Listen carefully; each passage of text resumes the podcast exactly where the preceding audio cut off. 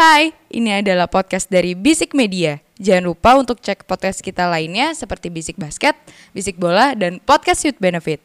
Oh iya, jangan lupa juga follow Instagram kita di @bisikmedia.id. Oke, selamat mendengarkan.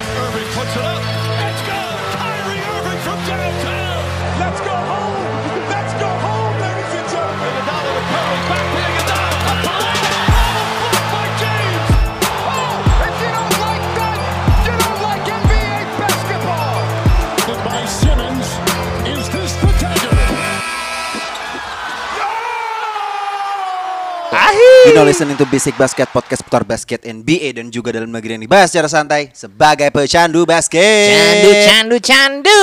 Seperti biasa di tiap malamnya bareng sama gue di Masyoda Eke Dimsu dan udah Ramzi Alam Eke Duzi Pike Kome Eke Ram JK Jontor Jeger Jeger Jeger. Bum, bum, bum. Wak wak. Ada suara lagi.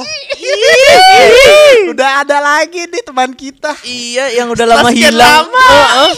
yang udah lagi sibuk banget di media. Oh. parah. Sampai bisik medianya lupa. Katanya Eh, udah eh, jadi bendahara. Gue boleh update gak? Apa? Eh gue kerja. Udah ada Abelito Papito apa kabar Bel? What's up bro? Hati semangat banget nih ya. Yoi. Parah parah parah. Langsung ngedown. Langsung Enggak, nge-down. bukan bukan apa-apa nih masalahnya ya. Gue nuang tuh buat gue sendiri loh. Iya. Ji kok kopinya bau gini Ji ya? Lu Kenapa, Ji? punya. Eh, lu iya, iya, sorry, iya, sorry, iya, sorry, iya, sorry, iya, sorry. iya. Bentar ya, seseruput dulu. Seruput. Nendang. Eh, Enggak ada. Bukan, jangan. beda. Bukan, jangan, bukan, jangan, beda. Oke, kita seperti biasa akan Hmm. membahas NBA sepekan terakhir. yoi. Yup. Yang di mana kali ini masih akan membahas timnya Ramzi. Karena uh, kemarin di awal-awal kita udah sering ngecengin, udah sering ngeledek. Pasti. Yang yang kita ledek pemain itu itu aja. Pasti. Tapi di dua game terakhir ternyata merasi, meraih kemenangan. Kita membahasnya dari yang game yang terakhirnya dulu aja kali ya. Di Los Oke. An- jadi Los Angeles Lakers melawan Houston yang mana tadi pagi menang 95-85. Oke. Zi, menurut lo kemenangan keberuntun yang kedua nih ya. Mm-mm. Setelah ya sebelumnya melawan Cleveland Cavaliers. Iya. Itu, itu hanya LeBron reunian aja sama Kevin Love. Mm-mm. Siapa itu? Mm. Menurut lo gimana? Maksudnya perbedaan apa yang udah dilakukan oleh Lakers? Gimana mereka bisa menang dua kali beruntun? Ataupun emang menurut lo hanya hanya sebatas keberuntungan aja? Menurut gue perbedaannya ada di eh, jumlah keberuntungan mereka yang tersisa di musim ini. Oke, masih konsisten ya. Masih konsisten karena Ya. menurut gua gini, apa sih yang perlu dibanggakan dengan menang melawan Houston? Oh, gitu loh. Ada ada bro. Apa? Apa? Karena gini gini logikanya ya. Hmm. Houston itu sekarang punya teman-temannya, maksudnya roosternya itu Hmm. anak-anak muda. Ya, Yang yes. di mana adrenalin tinggi. Betul. Iya. Yang sebenarnya kita tahu. Tadi sebelumnya gue ngomong sama Ramzi. Eh sama Ramzi sama Dimsu. Hmm. Eh, Jalen Green itu sebenarnya number one pick Ya harusnya. actually Ya harusnya. harusnya. Karena di high school dia number one prospect. Iya. Yes, Dan oke. dia All American ya? Ya, ESPN, nomor satu juga. Number one. Hmm. Bukan Kate Cunningham. Yap. Siapa Oke. itu Cunningham? Siapa itu? Oke, Dia harusnya lalu? ada di ada peringkat bawah mungkin. Oke, Tapi lalu? ini kan subjektif ya. Ya. Hmm. Ya. Cuman dari sini aja Jalen Green aja tuh nunjukin performanya dia luar biasa bagus Yes. gitu. Dan gue juga nonton kebetulan ya, kebetulan gue nonton untuk Lakers Houston tadi pagi untuk quarter 3 sih, sorry ya, Ya. mungkin kalau gue kesiangan. Gak apa-apa. Cuman di quarter 3 aja ternyata Westbrook se Westbrook itu ya. Yap. Masih sama dengan penyakit ya berarti dia ya. Ah, ah. Dan- Tidak akan berubah menurut gua. Ah, ah, dan LeBron LeBron di situ ya leaders aja yang kita lihat ya. Hmm. Walaupun dia di situ ada poinnya cukup besar, 20 something. Dan di situ LeBron- LeBron LeBron 15 aja ya. sih. Ah, LeBron 15. 15. 15 poin. 15 poin. Wow. Wow, untuk sekelas superstar. Yap. Dan di situ gua nggak tahu di siapa Ropelinka. Di situ patternsnya seperti apa karena itu acak adul. Ah, Yes. propelin Kak GM ya. Iya. Ya, Frank Vogel juga Ya, Frank mungkin. Vogel dan lain-lain itu maksudnya Hmm. di situ patternnya hancur ya. Oke. Oke. Ini Gua gimana sih? Pembelaan lu sih? Gue mau memberikan pembela- pembelaan. Sebagai fans Lakers Kalau lu- keras banget. Gue masih stay sama opinion gua minggu kemarin. Oke. Di mana kalau Russell Westbrook udah mulai menuju triple double, Oke. itu eh, seenggaknya permainannya, pola permainannya udah mulai works. Ah, ah, ah, oke. Oke, buat dia. Dan menurut gua kalau misalnya dia ya dua game awal nggak work sama sekali. Dia cuman yang break banget itu kalau nggak salah cuma 8 poin doang. Bro, Dan tapi kan Opening game ya. Iya, opening game. maksud, maksud gue gini loh. Hmm. Di di di match sebelumnya dia 10 10 kali turnover, Bro. Yes, I know ya Dan- quad- quadruple double kan. Ah, ah. dan, Ya. dan dari saat ini dia pun tadi yang gua highlight ya, dia udah layup sendiri pun nggak masuk gitu. Tapi Maksud- gini, gue melihat gak, gue nggak cuman melihat dari satu sisi doang gitu ya. Maksudnya dari playnya dia doang yang atau Ah, yang dia break oke, doang oke, gitu. Tapi seenggaknya kalau misalnya dia udah mulai menunjukkan arah-arah ke triple double berarti eh, itu udah kejawab banget nih omongannya Dimsu waktu itu. Di mana eh Frank Vogel udah mulai nem- mulai bisa mengoptimal mengoptimalkan performanya Russell Westbrook. Iya. Karena menurut gua kalau misalnya Russell Westbrook di dua game awal dia nggak bisa ngapa-ngapain karena dia akhirnya disuruhnya ke sand shoot. Ke sand shoot, ya, dia, ya lu tahu dia tuh apa kuli bangunan anjir. Iya, oke oke. Batu Maksud- bata semua. Enggak maksud gua bersama maksud- membangun negeri. maksud- dia anak BUMN, Bro. sorry sorry. Maksud gue gini, maksudnya eh, ketika dia kala itu Ya. di Houston, Yep. di Houston dia field goal percentage percentage-nya tuh di atas 40%, Bro. Yes. Maksudnya di saat ini di pertandingan ini di Lakers dia hanya 40,9 persen. Yes. Percentage. Iya, percentage-nya. Dan dia emang emang sih dia 20 poin dengan 8 rebound 9 assist, satu steal gitu. Tapi gue butuh lebih gitu. Kita maksudnya kita sebagai Ekspektasi penonton. lo tinggi ya terhadap Mr. Triple Double ini. Oh iya ya? pasti, karena dia mencetak triple double triple double terbesar dong, tertinggi di NBA. Oke. tahu ya. gua. Oke, mungkin kalau gue mau memberikan pembelaan lagi, Iya. eh gue mau mengambil eh, quotes dari eh, tim yang lagi semenjana juga, Ya. Yang bernama Philadelphia 76ers. Oh. Trust the Ini process. tim yang gak ada habisnya untuk kita Iya. bahas ya. Iya, Trust iya. the process. Ini Menurut akan gua- selalu trust and process kan? Yes, gini. Eh buat gua ini adalah proses yang lagi dilakuin sama Lakers. Di mana untuk gua nggak melihat gini. Di dua game awal mereka cuma bergantung sama LeBron sama AD. Oke. Udah nggak there is no Russell Westbrook, there is no Carmelo Anthony Ah. dan ini yang Eh, eh, Mark- Mark- Anthony opening game 26 poin, Bro. Eh, iya nggak mak- come maksud gua maksud gua eh di game-game selanjutnya yang pas dia kalah Melo tuh nggak nggak nggak perform gitu loh. Do you think so? Yes. Seriously? Yes. Dan sekarang Dan dia menurut gua- 23 poin, Bro. Nah, 23 poin itu dia. doesn't- didn't enough for you sih. Iya. Makanya ini adalah proses karena ini lagi lagi mulai naik nih gitu loh. Hmm. Lagi lagi mulai oh udah mulai bagus nih, udah mulai makanya Frank Vogel gue bilang udah mulai nemu cara untuk apa ya mengoptimalkan seluruh pemainnya, Hmm. entah itu Melo, entah itu Russell Westbrook dan intinya gue nggak melihat apa ya, gue masih belum melihat eh, untuk permainan yang team play banget gitu ya, tapi ya ya udahlah kalau misalnya emang pada akhirnya mereka harus main individualis, ya udah gue yang penting mereka they got a W gitu loh Ya, intinya. ya eh, s- eh, s- eh, di beberapa episode terakhir gue ingat eh, eh, siapa yang memberikan statementnya gue lupa dari kita juga.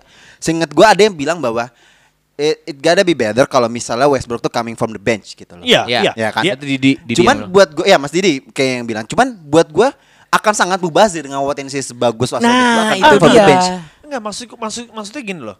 Ketika Russell Westbrook ada di posisi bench, Hmm. Dia jauh lebih lebih potensial untuk menjadi scoring gitu loh. Scoring, ya. Yes. Dan selain scoring maksudnya dia bisa ngelit timnya juga karena dia pengalaman untuk ISO-nya dia ya, Hmm. di mana dia sendirian mulu gitu. Di Houston yang di mana kita taunya Houston itu adalah Westbrook banget gitu. Dan di, di saat Menggeser Harden juga ya. waktu Iya iya dan saat dia disatukan sama Harden kan kayak dulu Ramzi pernah bilang Air dan "Nggak api." mungkin dua Iya. kepala jadi satu. Iya. Iya kan? Mau Dan- mereka Jakiro enggak. Ah, dan saat ini Data kita, kita lihat Mm-mm. Lakers butuh Westbrook untuk di second unit gitu Yap. loh. Hmm. Ya nggak sih? Dia jauh lebih produktif dengan teman-temannya yang di second unit. Tapi gue masih percaya bahwa trio Lakers ini bisa bisa bermain bertiga di lapangan Yes, gitu. Gue masih yes. percaya. Cuman Oh. emang gua nggak gua nggak ngerti apa kendalanya.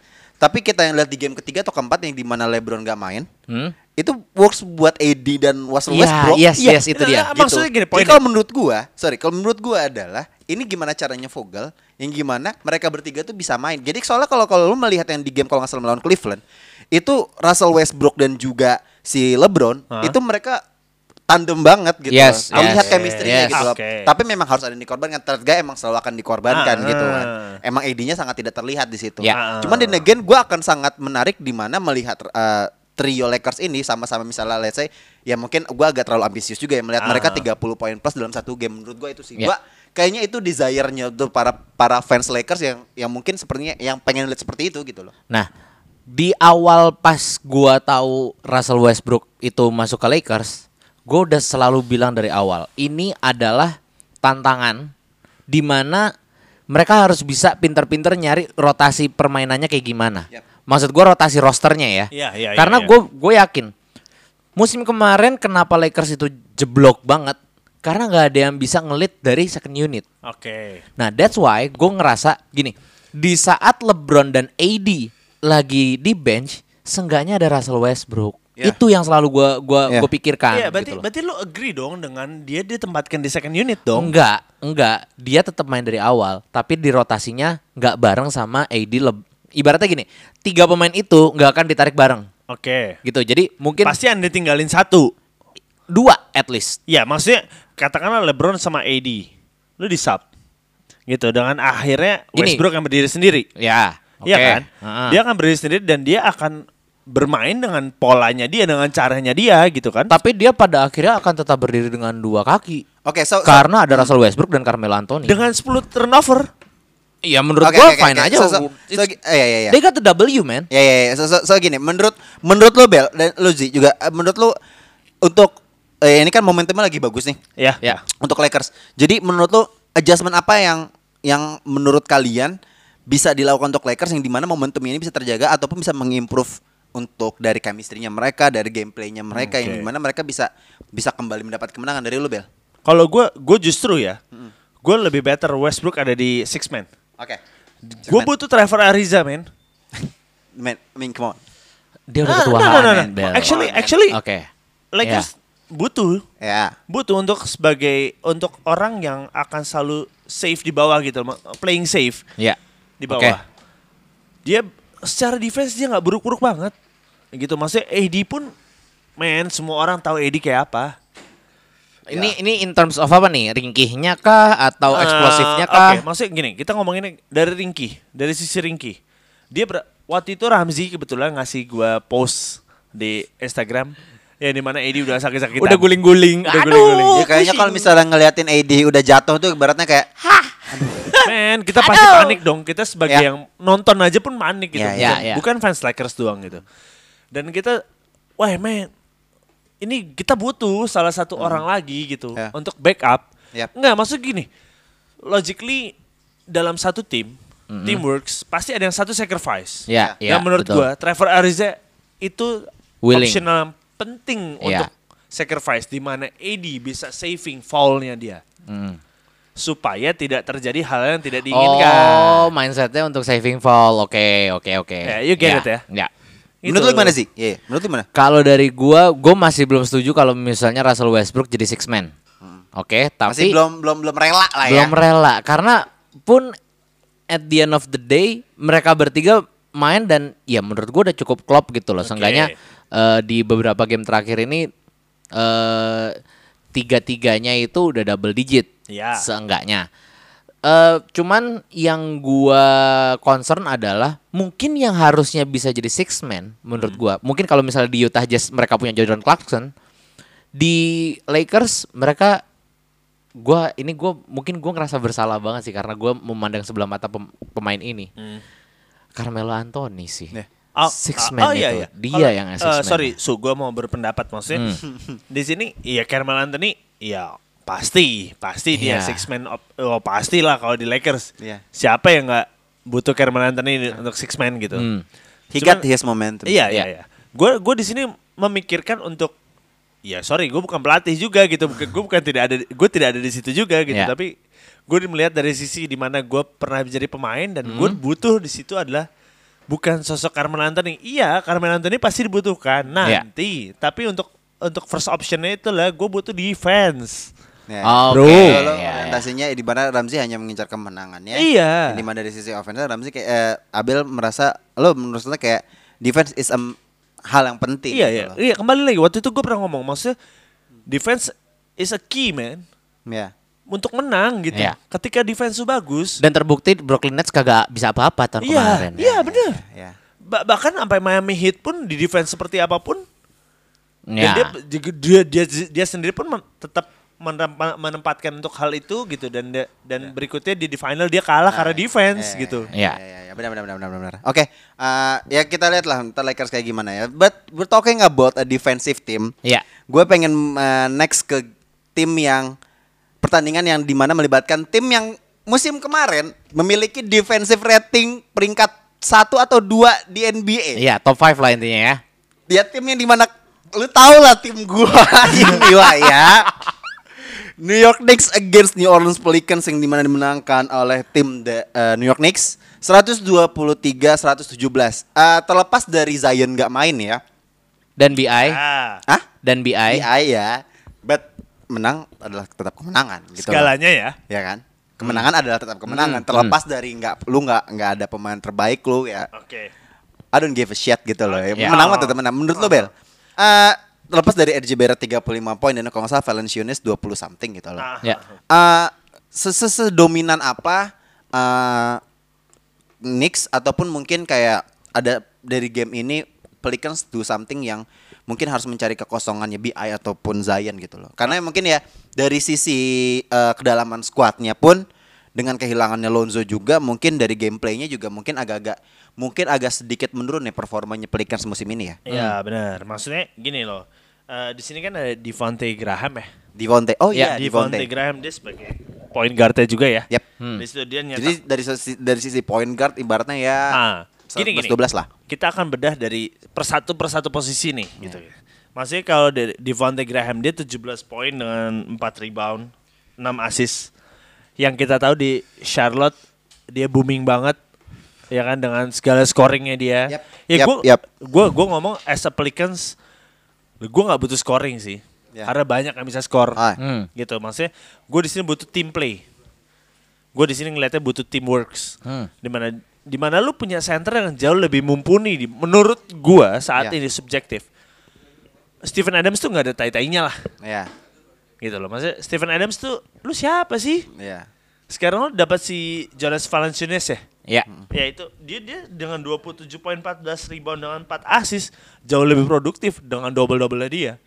Gitu. Tapi kenapa di second teamnya gitu ya maksudnya untuk second teamnya lu nggak better-better banget. Yes, yes. Lu, lu Ya. timpang, timpang gitu maksudnya untuk dari first team sampai di second team. Hmm. Wow, ini lu butuh perbaikan lebih dalam atau latihan lebih panjang gitu untuk Ya. New Orleans Pelicans. Sedangkan untuk si lawannya sendiri. ya. Ya. Knicks Aduh, ya. dinaikin lagi nih Dimsu nih. Aduh, aduh. Gue gak mau naikin Dimsu. Ah. Cuman Ah. by subjektif gue ya emang nih Knicks brengsek guys. Oke, terima kasih Abel Ramzi. Menurut lo gimana untuk game ini? Gini, kalau buat gua, Hmm? Hmm? Knicks udah bisa mendapatkan, gua nggak tahu ya, maksudnya entah kenapa mereka langsung klop Ya. dari awal karena ditambah Evan Fournier, ditambah Kemba Walker, gua suka banget cara permainan mereka. Obi Topin juga, menurut gua, menurut gua pribadi, dia nggak tenggelam-tenggelam banget. Hanya dengan satu poin. Menurut gua enggak, maksud gua dia masih punya peran gitu loh. Oh, oke. di nggak gua nggak melihat di game ini ya yang dia Ah. cuma satu poin tapi seenggaknya di game-game lain dia masih punya peran dan apa ya gue melihatnya ya New York Knicks tapi di satu sisi gue melihatnya lu belum jangan terlalu bangga dulu deh Ya. karena It's ya still lu- early lah ya. yes itu satu dua di sini New York, apa Pelicans juga masih belum full Tune squad ya? gitu loh Iya, dengan nggak de- cuman cuman Valanciunas doang. Lu belum ketemu Zion, lu belum ketemu BI dan kondisinya dengan kondisi lu seperti itu belum tanpa ada Zion dan tanpa ada BI total rebounds lu udah kalah jauh. Hmm.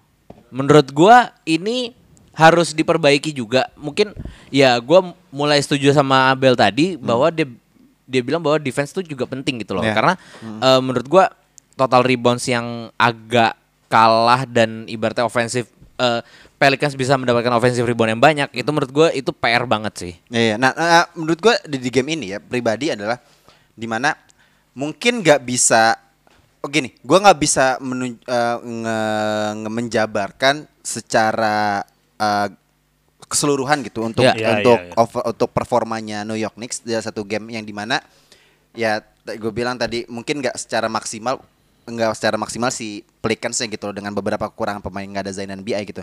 But then again menurut gua dengan kolektivitas permainannya New York Knicks yang di mana mereka komposisi perma- pemainnya tuh nggak banyak nggak malah nggak ada yang berkurang menambahkan pemain-pemain yang mungkin yang dirasa perlu gitu loh. Ya, ya betul Ya kan? betul setuju setuju. Kayak gitu. Makanya menurut gua uh, konsistensinya Knicks di dalam sisi defense gak berkurang, tapi di in offensive way they improve a lot dengan Yes. kehadiran Evan Fournier Yes, dan juga dengan yes. kehadiran Kemba Walker yang bikin merasa aman di backcourtnya. Menurut gua itu yang membuat Knicks di titik ini di peringkat satu wilayah timur, guys. Dan itu terbukti banget dari uh, three pointersnya. Ya. Hmm. Uh, three pointers per percentage-nya, Ya. lo tahu berapa? 57,6, Bos. Eh, eh, eh, kalau gue boleh menyanggah, Ah. gue di sini ngeliat perannya Alec Burks. Alec Burks. Oke. Alec Burks. In the As- second unit ya? Iya, and sec- eh, di second unit dia menurut gue mengambil peran yang cukup besar loh. Ya. Walaupun walaupun maksudnya dari dari stats ya, Hmm. dari stats dia cuma ngambil 10 poin, 3 rebound, 1 assist. Cuman field goal percentage dia tuh 50% loh, Bro. Which is good lah ya. Iya dong, untuk untuk second unit. Efektif. Iya, efektif banget dibanding yang lainnya. Dia ya mungkin ada Tyrese Gibson dengan 62,5% ya. Cuman Ya, Touch Gibson, ya. Bro, dia center bro. Kita nggak apple to apple kalau kita ngomongin sama sama bagian guard. Pasti statistiknya akan berbeda lah. Iya, ya pasti masih di situ. Dari sisi bawah pun dari maksudnya dari center dan power forward. Ya lu udah udah kebantu banget dong dengan ada Julius Randle ya walaupun dia hari ini agak bau ya. Ya. Ya. Mm. Actually ya dia dengan cuma 6 rebound. Dan satu lagi mungkin gue nambahin, gue baru menyadari juga dari statistiknya, mereka bisa. eh gue ingat banget waktu itu Didi tuh pernah ngomong Knicks tuh bisa 50% terus apa dari field goalsnya dari three point field goalsnya dan dia beneran juga maksudnya field goalsnya aja 51,9 three points field goalsnya 57,6 free throwsnya 80% which is mereka tahu di mana ringnya gitu loh Iya, kasarnya iya, itu iya, yang iya, itu yang gue suka gitu loh Iya, iya, iya. itu sih dan eh, mungkin mereka harus konsisten intinya kalau Iya. misalnya eh, menghadapi dan gue belum melihat mereka ketemu tim yang bener-bener berat banget gitu Iya. ya Eh, ya gue mendoakan semoga Knicks bisa terus berjaya lah Iya, gitu. tapi Ketik satu untuk Amin ya. Ah, Iya, iya, amin. Iya pasti amin lah ya Iya, untuk iya, iya. Knicks. Cuman pertanyaan gue adalah ah, bukan anomali mungkin Ah, ya bro. aha. Ngomongnya cuman kayak apakah Julius Randle akan harum pada akhir season doang? Hmm. Ya ya ya. Lo lihat dong, maksudnya ini awal season bro. ya Dia hanya 10 poin Ya ya ya. dengan 6 rebound. Yep. Kita ingat season lalu. ya Wah seberapa superiornya dia di akhir season. Betul. Ya. Di playoff. Sampai menuju ke playoff. Walaupun akhirnya gagal ya. di Serius playoff ya. benga ya, apa-apa, di playoff benga Iya ya kan, Iya. maksudnya agak agak agak agak agak sorry tolol. Ya, oke, gitu oke. ya. Gitu. Itu karena Spike Lee datang lagi. tapi gini, tapi gini, menurut gua adalah ya memang it's too early lah. Maksudnya ini Yes. sample size hanya 6 game. Yes. Uh, gua kan selalu bilang kalau misalnya di 20 30 mungkin mendekati All Star baru kita bisa melihat performanya, baru kita bisa nge-review performanya mereka as a whole, performanya setengah musim gitu. Iya, iya, iya, iya. Tapi buat gua sendiri adalah it's a good start buat Yes. Knicks. para fans Knicks mungkin Ya, akan benar, benar. selalu senang tapi tahan dulu buat gua ini masih awal di mana pemain-pemain mungkin masih muda perpaduan antara tua dan mudanya Knicks ini pas banget tapi then again it's talk about mentality di mana playoff gua nggak pengen lagi mereka cuma menang di satu game abis itu di empat game sisanya. Mereka dikalahin dengan tim yang cuma dikalahkan satu point guard bagus doang yang bernama Trey Young. Gua nggak mau itu terjadi lagi. Kayaknya yang di aman mana gua akan ya gua akan selalu melihat bahwa even lu di musim play apa regular season lu bagus tapi di playoff lu bapok menurut gue lu akan selalu gagal. Yes yes yes. Iya. buat setuju gue itu. Eh, eh, lanjut lagi untuk eh, di materi yang paling utamanya nih ya kita melihat bahwa performanya New York Knicks dan juga mungkin kita selalu ngomongin Chicago Bulls ya Zia, Iya. di beberapa episode terakhir Mm.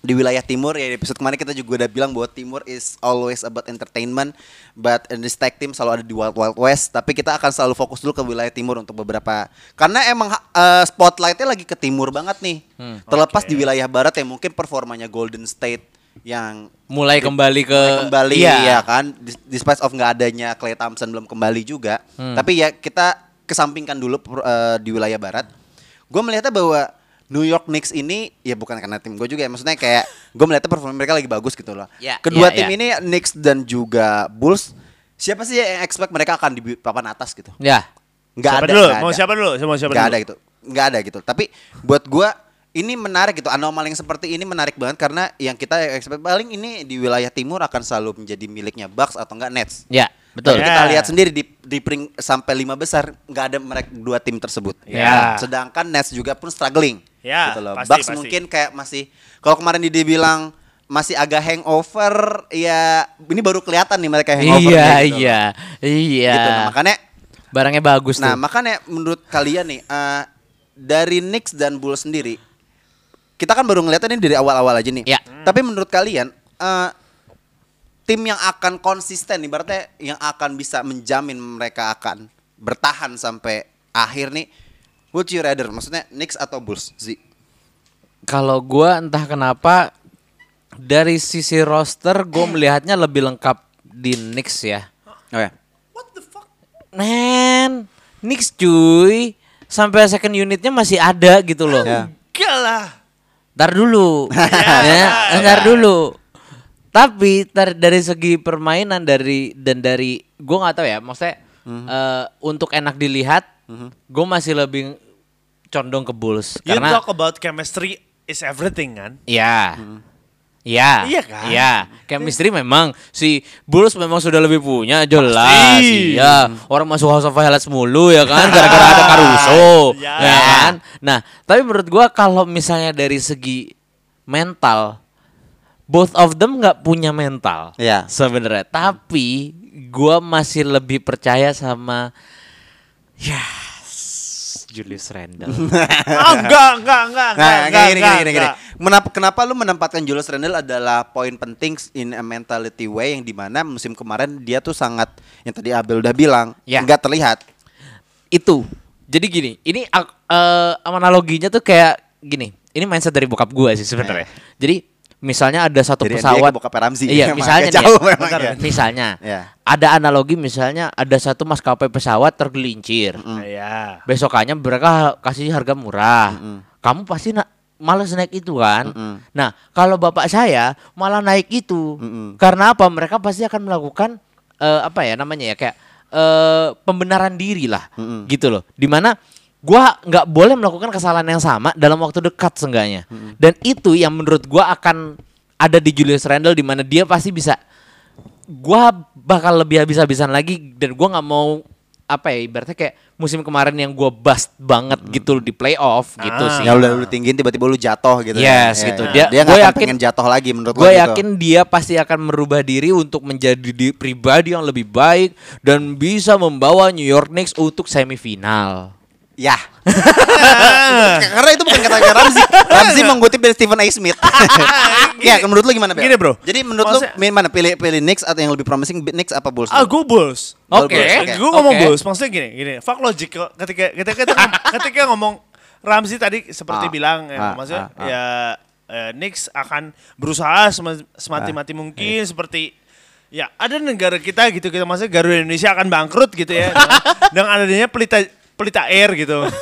eh, gitu maksudnya pelita air yang udah digadang-gadang. Iya. Oke oke. Maksudnya gini, eh, ketika lu udah di dalam kondisi down, Heeh.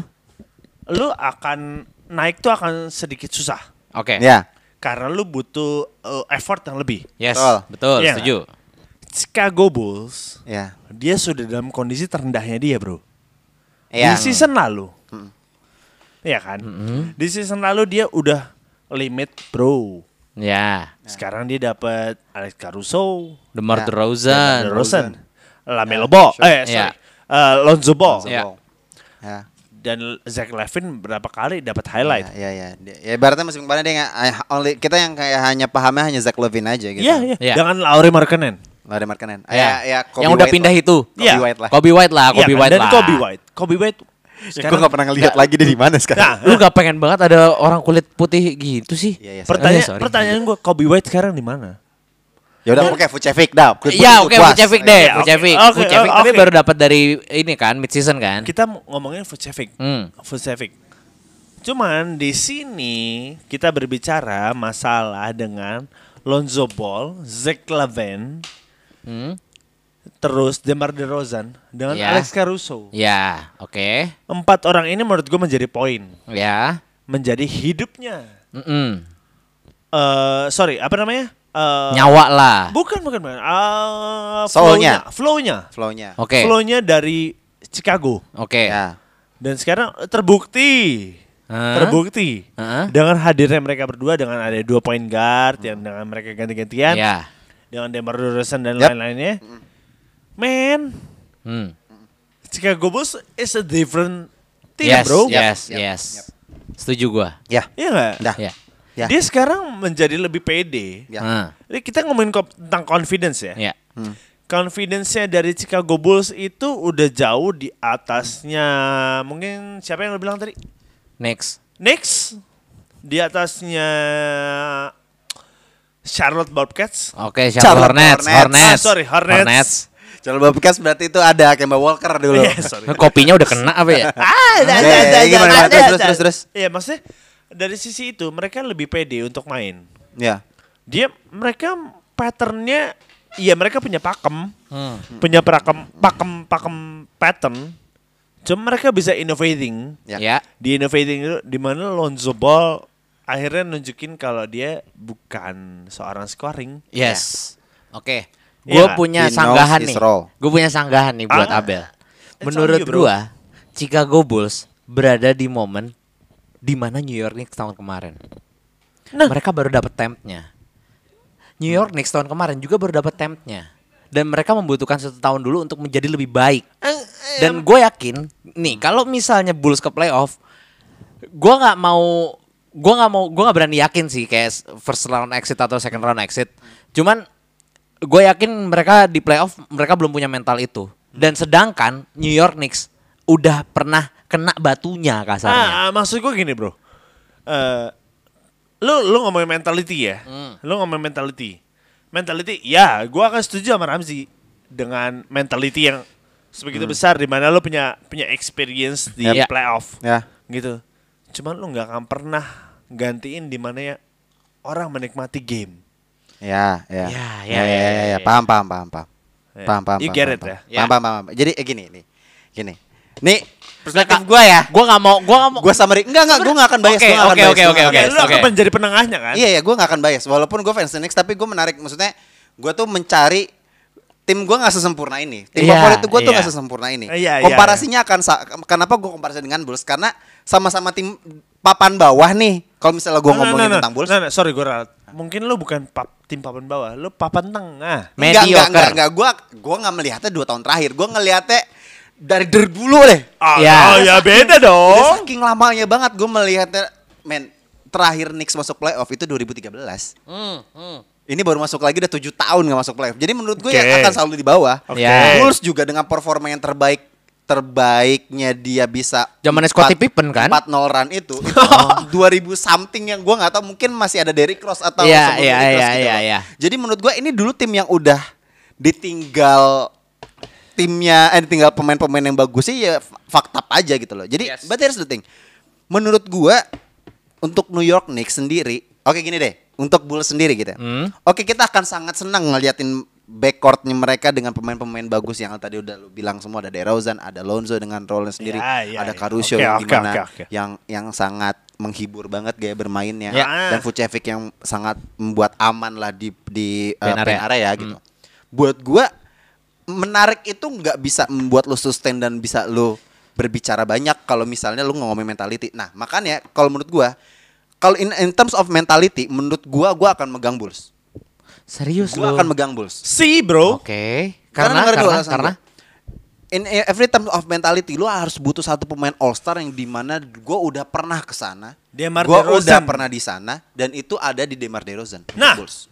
tapi nyatanya Demar tapi DeRozan gini, tapi tidak gini, pernah mendapatkan menurut gua. Tapi menurut gue Demar Derozan itu masih dalam performa yang terbaik ya. Dia Hmm. dia dia messed up aja waktu di Spurs dulu gitu loh. Yes, yes, yes. Cuman yes. dia dia belum abis, dia belum punya masalah yang kayak mungkin uh, Derrick Rose yang punya yang Cedera punya mentality yang bagus tapi Oke. performanya nggak bisa menolong timnya. Hmm. Tapi DeRozan udah di sana gitu loh. Oke.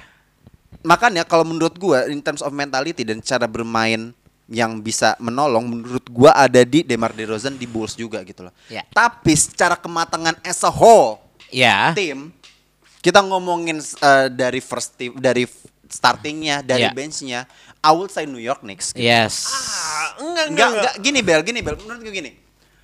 Sebutin pemain yang menonjol di Chicago Bulls yang bisa nolongin mereka ntar nanti. Pacific. Enggak itu enggak dari second unit. Second dong. unit, bro. It's a- Sekarang gini, kalau misalnya New York Knicks, lu punya Emmanuel Quickly, lu punya Yes. Obi Toppin, lu punya tadi udah lu ngomongin Alec Burks. Mm-mm. Mereka tuh udah yang kemarin di playoff. Iya. Mereka bisa belajar. Itu bener kata Ramzi. Tapi, tapi, tapi, gua nggak melihat ada sosok all star player yang bisa menolong mereka nanti. Iya, iya, iya. Makanya oke. juga bener bisa mengamini katanya Ramzi bahwa dia Knicks akan, gue yakin dia bisa lolos ke semifinal. Itu udah titik tertingginya Knicks untuk musim Iya. ini. Nah, nah, I, I get it, I get it, I get it. Maksudnya gini loh. Ya, oke secara secara New York Knicks lebih mumpuni. Ya. Lebih oke. mumpuni, bener nggak? Secara Lu- tim, lu secara tim ya. Ya. Secara Secara tim, overall tim. Ya. Lu bisa ber- bergerak dengan segala segala kaliber lu gitu loh. Maksudnya rooster lu lu punya pengalaman besar. Gitu loh maksudnya. Mereka punya banyak cara untuk main lah kasarnya Nah, gitu ya. Ya. ah. Oke. Eh, tapi lu inget ya waktu itu eh, either Ramzi or Dimsu bilang Chicago Bulls itu Hmm. nggak who cares about playoff. Iya. Hmm. Dia akan main ya ya udah.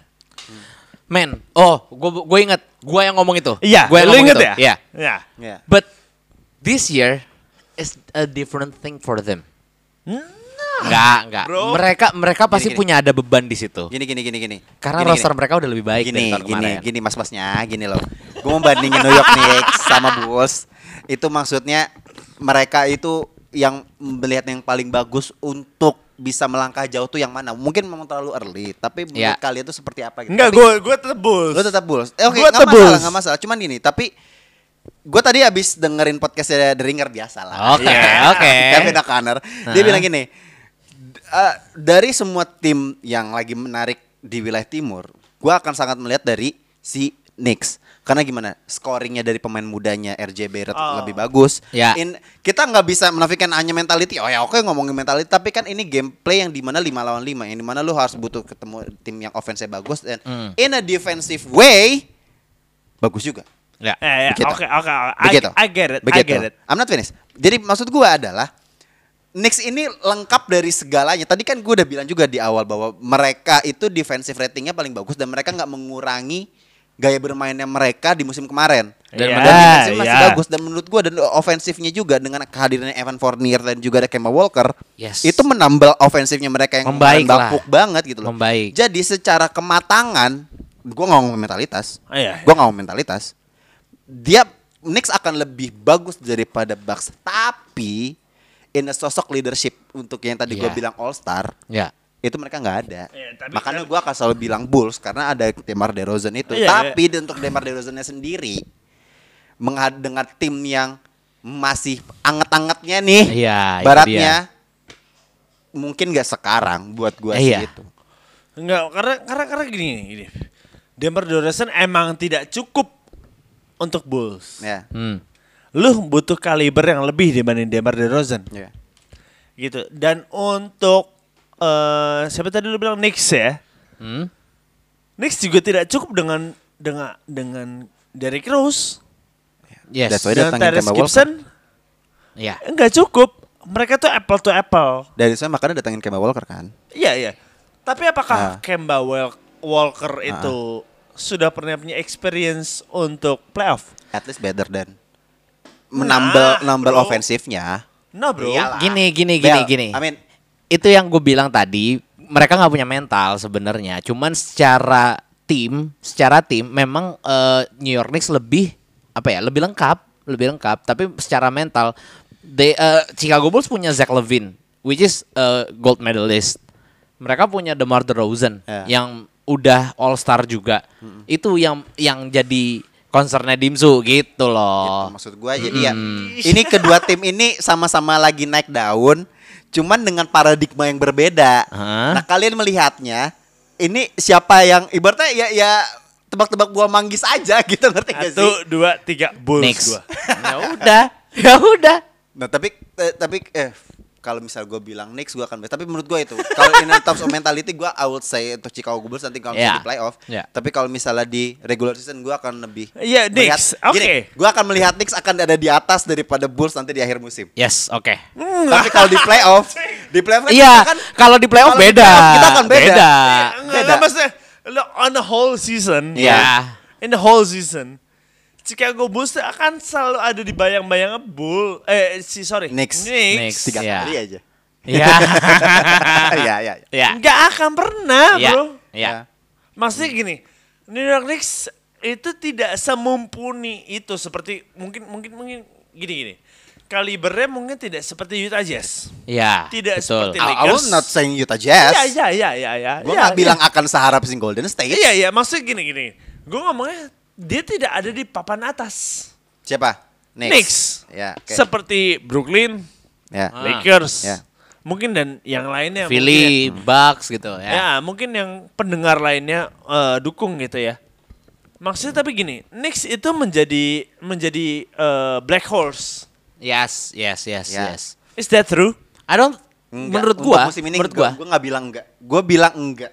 Dia bukan black Nggak, horse. nggak, nggak black tapi horse. is a champion teams. Iya, jelas. Nah, musim enggak, Dua-duanya? Oh, championship enggak. Iya. Tapi contending, Contending. mungkin ya. di Contending, iya, iya, contending. Oke. Tapi kalau misalnya ada Dark- Dark Horse mungkin di musim kemarin. Yes. Iya. Tapi sekarang kayaknya slightly better than a Dark Ah, Horse. I get it. Ya. I Nggak get it. mungkin. Jadi jadi mereka tuh ya kayak tadi dari Ramzi bilang, mereka tuh balanya udah di musim kemarin gitu. Iya. Sekarang tuh gue belajar, gue pengen cari titik tertinggi gue di mana. Iya. Gitu. Oke, Kalau. Bulls ya di situ saatnya lagi momentumnya aja. Tapi kita God knows what kita nggak tahu nih mereka akan kayak gimana nanti gitu. loh. Ah.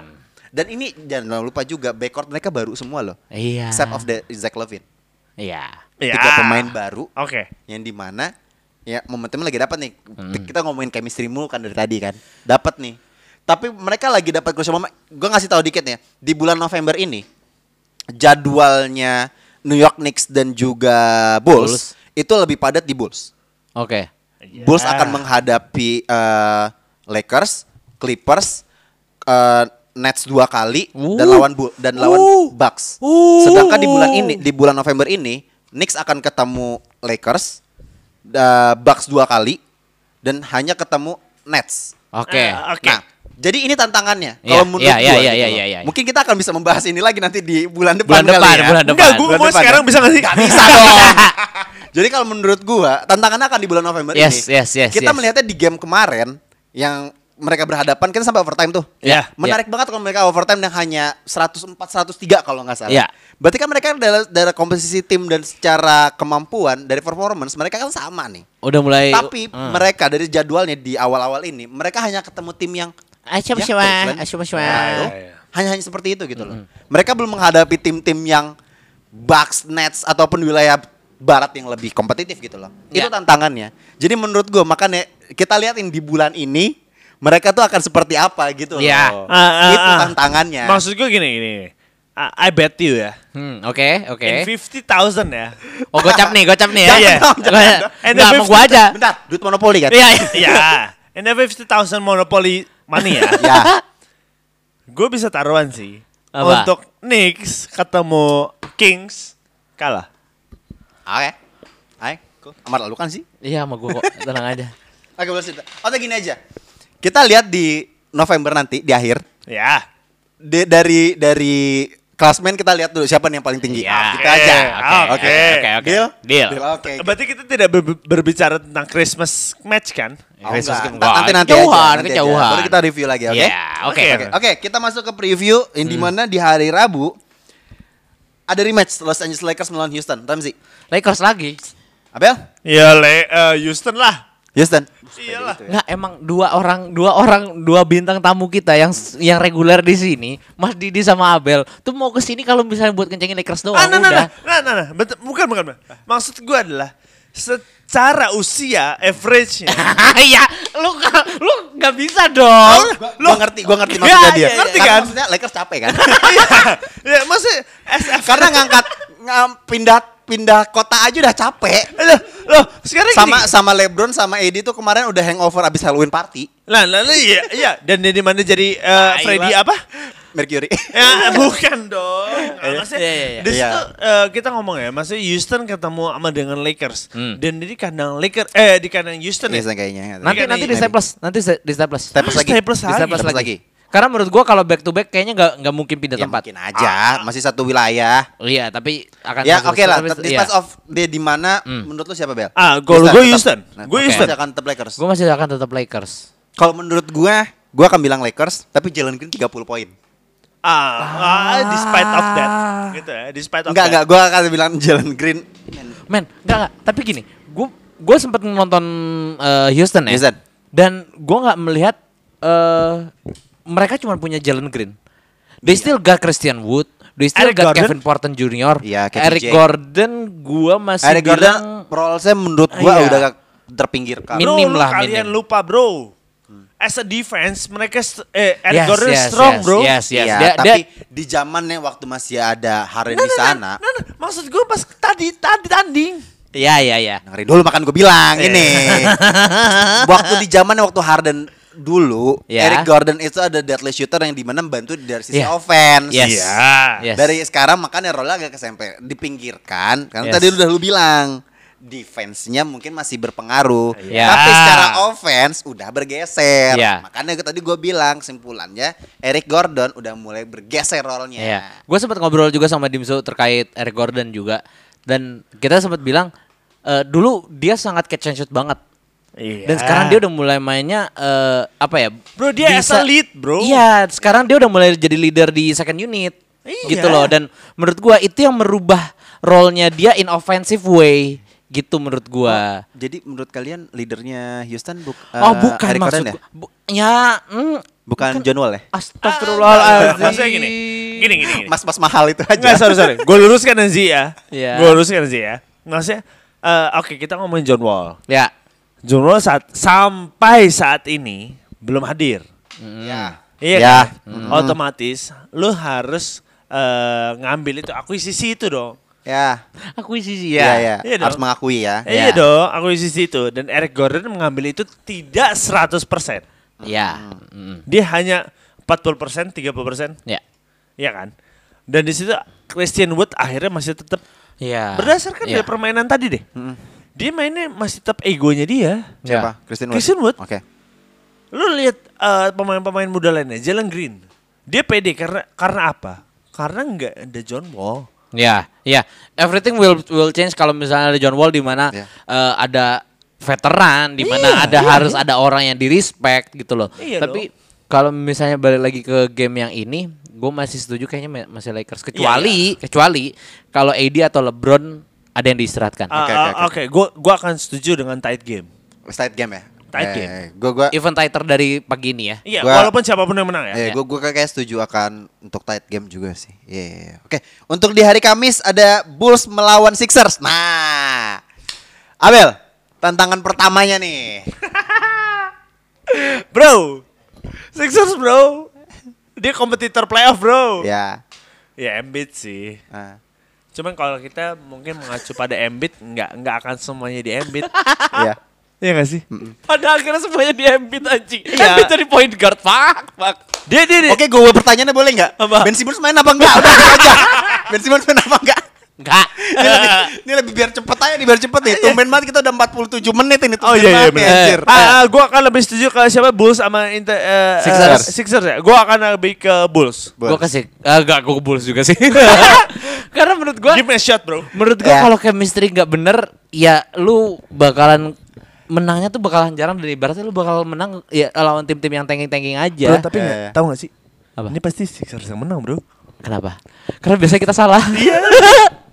Gak tapi gini loh, buat gue gue gue yakin eh, kalau misalnya ngomongin chemistry buat gue Hmm. kayak kalau kita udah juga bahas nih ya sering Iya. banget sih kalau misalnya Sixers ya.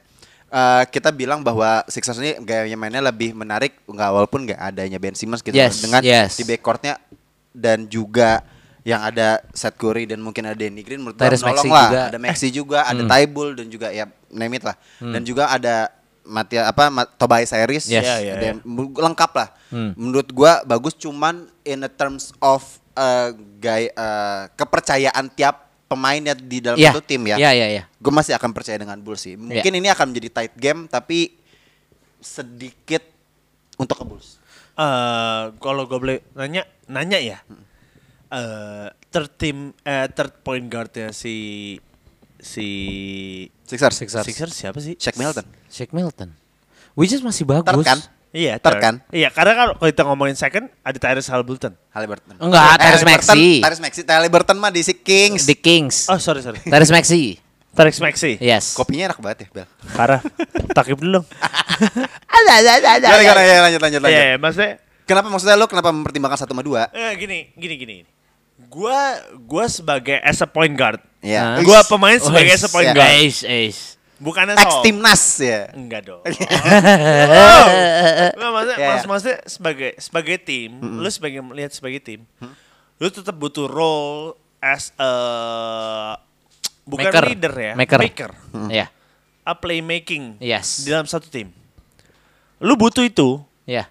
dan kita nggak bisa bohong kalau di Sixers eh, s- playmakingnya pun akhirnya mengacu pada Tyrese Maxey. Tyrese Maxey atau Iya. Embiid. Eh, Iya. Akhirnya dioper bola ke Embiid. Yes, yes, yes.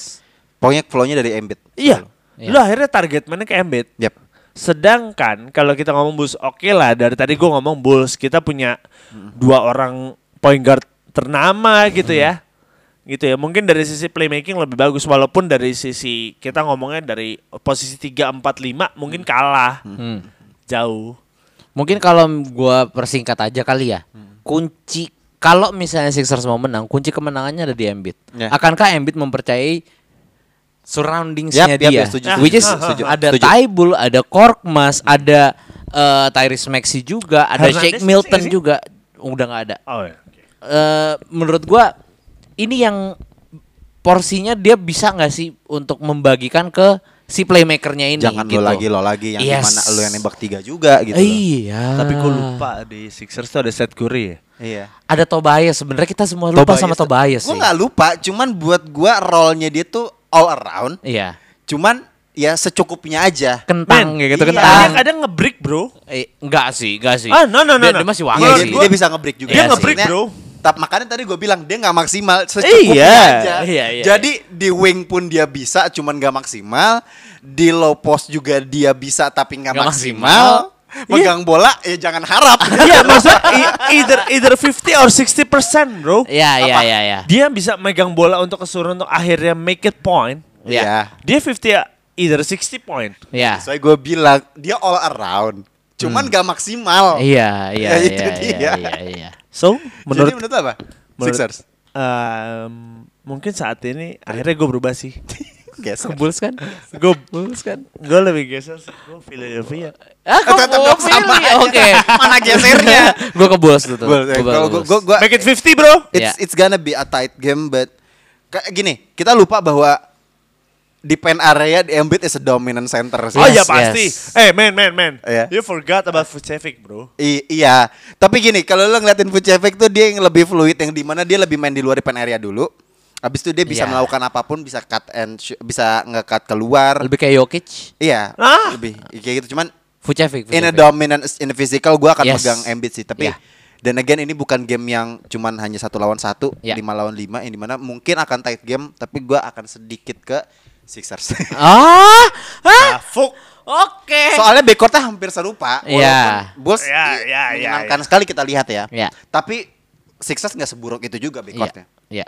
Oke. Gue Terakhir. push up, gue push up 50 kalau Philadelphia. Bener Iya, ya? Kalau hanya push up gue deal. Ah, eh, Oke. Kalau Philadelphia menang ya. terakhir, terakhir, terakhir di hari Sabtu, ini kayak gue harus bangun pagi nih ya di hari Sabtu nih. Kalau disiarin juga sih sama video.com sih.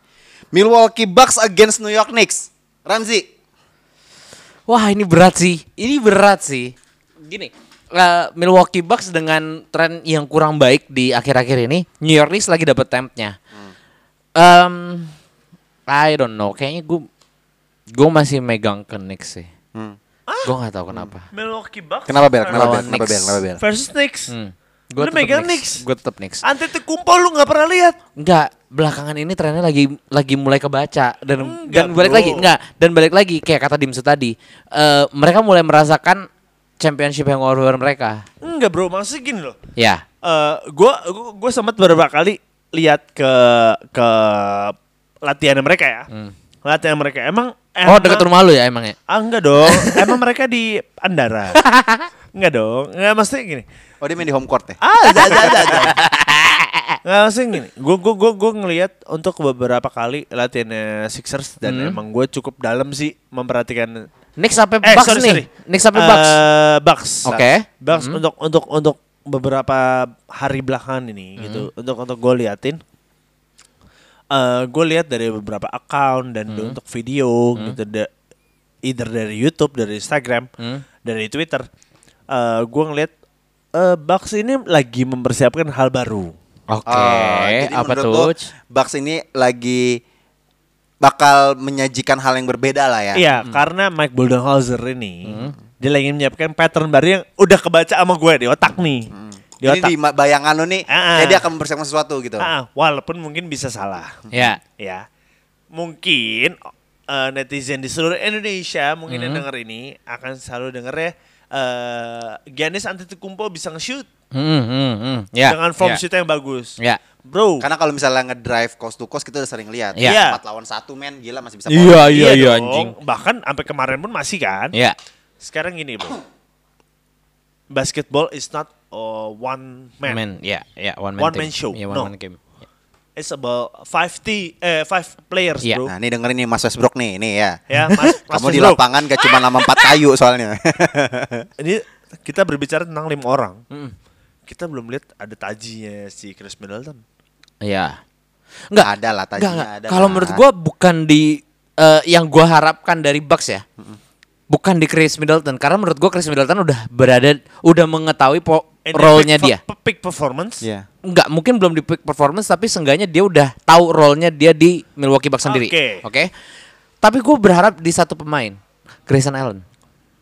Ah, nah. Nah, ini, ini. Ramzi udah mulai kepengaruh sama Bro, gua. gue kepengaruh sama dia banget, sumpah. Grayson Allen ya. Grayson Allen, Grayson Please. Allen menurut gue, eh he is explosive. Dia bisa, harusnya dia bisa seenggaknya double digit. Tapi gue masih belum bisa melihat Ini, itu. Kalau misalnya lu melihat Grayson Allen, Hmm. he's the doing dirty work just like an siapa? Pemain Clippers. Siapa? Pat Bev. Eh kok Clippers sih? Iya. Minnesota. Oke, Bro, Pat Bev. lu lupa Tapi Pat. dia bisa scoring. Ya, Iya, enggak gini loh, maksudnya lu lupa sama Pat Connaughton. Pat Connaughton. Connaughton. Ya. Iya, itu. Iya. Sorry, sorry. Ya. Ini kopinya apa? Kita belum kita juga belum lihat Di Vincenzo balik ya. Yes, Tapi Pat Connaughton bisa bisa nge-backup gitu loh. Dan lu lupa Grayson Allen itu ada di bawahnya dia, Bro. Ya. Mungkin lebih ke wing kali ya. Iya Bukan dong. as a shooter. Iya, maksudnya as a shooter pun dia bisa do all things. Ya enggak enggak literally all things. Oke, gue bikin satu kata skakmat buat lu. Apa? Mereka undersize, Kalah size. kalah size. Sama Sama Knicks. Mereka kalah size. Ah, ada Brook Lopez dong. Brook Lopez juga ya seberapa gini. Mereka punya siapa? Mitchell. Mitchell Robinson. Terus apa? Aduh, nyetrum. Center Obi Topin. Mereka punya Julius Randle. Iya. Kalau misalnya Bucks cuman berharapnya sama Yanis sama Brook Lopez. Mungkin Bobby Portis gue belum tahu sih, gue belum lihat update-nya. Apakah Bobby Portis bisa main lagi? Ya mungkin sama dia.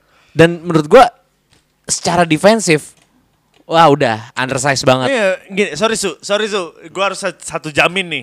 Iya, iya, biar genep Sorry, ya. Su. Di baru pertama kalinya akhirnya satu jam lagi. Biasanya Akhirnya. 30 menit. sorry ya. Su, Ah, lu lupa antara Milwaukee lawan Brooklyn. ya. Brooklyn. Brooklyn itu small size, Bro. Yes, yes. Bisa nggak dihadepin? Bisa. Menang bilang- nggak? Makanya gue bilang kalau in, in matter of size gue juga agak agak agak Nggak matters, enggak, bro. enggak, bukan enggak matters maksudnya gue merasa bahwa size iya matters matters matters tapi how to you play with your physical Yes, things yes. itu penting Yes. Eh, Masalahnya Milwaukee itu bermain dengan physical things yang sangat tinggi gitu. Gini, kalau misalnya Mil Giannis lagi nggak ada dan rotasi permainannya si siapa namanya eh Tom Tip, Tom Tip. itu bisa memasukkan Julius Randle di situ, abis lu abis. Pertanyaannya apakah Mil, eh, Giannis tidak ada? Ya gak tahu. Nggak apa, nggak mungkin pasti ada. gue bisa menjawab kalau misalnya in defense in terms of defense ya Ya. kalau buat gue tadi ya gue balik lagi dengerin si Kevin O'Connor, Kevin ya. O'Connor. dia bilang gini Hmm. in a defensive things New York Knicks itu bukan how you they play defense Ya. bukan skemanya mereka bermain defense tapi dari di tiap pemain yang ada lima orang di lapangan itu mereka punya hasilness yang Wah, iya. tingkat Iya. terbaik. Iya, iya, iya. Itu gue harus agree. paling Iya, improve. iya, iya, Jadi iya, kalau bener, lu melihat bener, bener. kemarin kenapa defensive ratingnya New York Knicks itu Tinggi bagus, banget ya. bukan karena skema yang diterapkan oleh Tom As a team. as a team. As a team. Tapi mereka hasil makanya kemarin kalau nggak salah di Bleacher eh, di Bleacher atau apa ya dibilangnya Hmm. si RJ Barrett bisa nge-lockdown defense DeMar DeRozan. Ya, Oh, enggak, iya. itu, Kalau lu bisa- itu basketball forever. Basically Iya. forever, ya. Maksud gua itulah.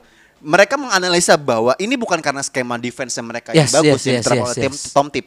Tapi di tiap pemain yang ada di lapangan, entah itu Julius Randle, entah itu Kemba yang walaupun Kemba bermain ofensif dan Evan Fournier bermain ofensif yang bagus, tapi mereka in a defensive things mereka masih mau hasil karena melihat para pemain yang dulunya itu mereka juga hasil. gitu. Ya, ya, ya, ya. Jadi di mana kalau misalnya lo Iya, ngomongin iya, defense, isn't, gua nggak peduli saya saya gimana Mitchell Robinson mereka masih muda, Obi Toppin, Julius Randle juga masih dalam skema permainnya dia yang terbaik gitu loh. Defense-nya mereka akan selalu yang bagus karena mereka dari sendiri mereka mau defense despite of Tom Tip menerapkan defense yang seperti apa. Menurut gua gitu. Oke. Tapi Iya, iya. untuk sedikit dari sisi defense masalah fisik, gua melihatnya ya Giannis man, come on. Kita gak bisa gak bisa Pandang sebelah mata dong. Pandang sebelah mata mereka akan nge-exploit banget, bakal Iya. exploit banget lah untuk si ini si Giannis sendiri gitu loh. Eh, Iya. eh, Iya. Gue harapannya sih ya Giannis please hear this podcast ya. Harapannya loh. Ya. Lu Ada mesti Google- bahasa lu mesti pakai bahasa Yunani lu. Ada Google Translate kan? Iya ada. Iya, iya, iya. dia pasti paham lah maksudnya. Giannis please. Kayak pengen dimengerti banget. Lu, di, lu, lu dipandang sebelah mata kayak mata gue bro. Aduh, dark jokes. Balik lagi ya. lu lawan New York Knicks lu, lu, lu dipandang sebelah mata gitu maksudnya. eh, Giannis tuh ibarat ibarat apa ya? Eh superior lah Iya. di di Milwaukee. Ya. Iya. Ya ada Julius Randle, cuman gua gua cukup paham untuk Jul- Julius Randle di awal season. Hmm. Cukup paham lah untuk beberapa tahun belakangan nih gue Ya. lihat. Di awal season gua nggak gua by fact ya, by fact.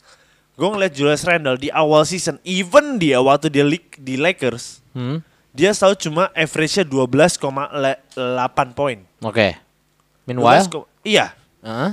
Dan di awal sih dan itu konstan constantly di awal Segitu-segitu season aja, gitu. ya. Iya. Julius Randle, lu ngomongin orang besar Hmm. untuk ngadepin Giannis. Iya. Giannis di awal season 23, koma something point. Oke. Bro, dari sisi offense itu jauh. Hmm. Dari sisi defense, men kita lihat kemarin Milwaukee kayak apaan defense-nya. Iya. Tiga orang turun ke bawah. Ya, ya. Ya. Dia nggak mungkin nurunin levelnya dia. Dia they are, they are champion, bro. Ya, ya. Hmm. Tapi gini, Setuju, setuju. Kalau ngomongin masalah defense ya, mereka, gue mungkin me- apa mencoba untuk connecting the dots dari Dimsu sama Abel. Satu hasil, Dimsu ngomong tentang hasil, du si Abel ngomongin tentang defense, dan gue melihat ada satu pemain yang di yang Milwaukee Bucks tuh kayaknya kehilangan, yaitu PJ Tucker. Dia yang punya hasil untuk defense, dan menurut gua dia paling bisa untuk menjaga kelima posisi. Itu. Even center pun dia bisa gitu loh. Iya kan? Dan menurut gua kehilangan PJ Tucker gue selalu bilang kehilangan PJ Tucker tuh itu bahaya banget. Dan lu lihat sekarang hit kayak gimana enak banget dilihatnya kan? Ini gue setuju lagi. iya. Ya, ya, ya. gitu. Ya, ya. menurut gua ini yang jadi masalah dari Bucks musim ini. Iya, iya, iya. I, I, I- I'm not saying it's a problem in Iya. in, in, apa dengan kilang Oke. kita tapi hanya hanya kekurangan aja sih. Iya. Gua nggak bilang menjadi masalah besar gitu. just a piece lah ya Iya kayak Oke. lu kehilangan aja. Nah jadi gua nggak mau melanjutkan fanboying lu kepada PJ Tucker. jadinya intinya lu milih siapa? tetap New York Knicks Bel? Gua ya tetap lah Milwaukee Bucks. Milwaukee Bucks ya. gue mau nyenengin nyenengin lu doang sih Nggak. Eh, gua gua nih mau transfer Ramsey nih. Gocap gimana? Oke, oke gini gini gini. Berarti di gua. kalau ya? lu kalau lu gimana breaker-nya di gua ya. kalau lu gimana Jadi intinya adalah gue Hmm. minta maaf dulu kepada Pak uh, Pak uh, Demar Dero apa sorry bukan Demar Deros lagi ngapain gue mikirin dia uh, Derrick Rose, Kemba Walker, Heeh. uh, Fournier, terus Quickly, Topin, Julius Randle, Mitchell Robinson, Tom Tip dan Spike Lee dan juga Tracy Morgan gue minta maaf untuk game Stephen ini A? kayaknya nggak peduli oke game ini akan untuk Bucks udah itu aja Oh god. Kenapa menurut lo? Kenapa menurut lo? Udah itu. Kenapa menurut lo? Mentality. Satu. Enggak men. Jadi untuk mendapatkan hasil yang maksimal dan menjadi tim yang terbaik, Oke. lo harus punya wake up call. Intinya itu aja. Bahwa lo gak sebagus itu. Oke. Sadar Gua diri akan- lah ya. Iya. Makanya gue sadar diri kan. Iya dong. Gue Itu gak akan juara. Itu poin gua. Oke, see you next episode. Bye. Bye.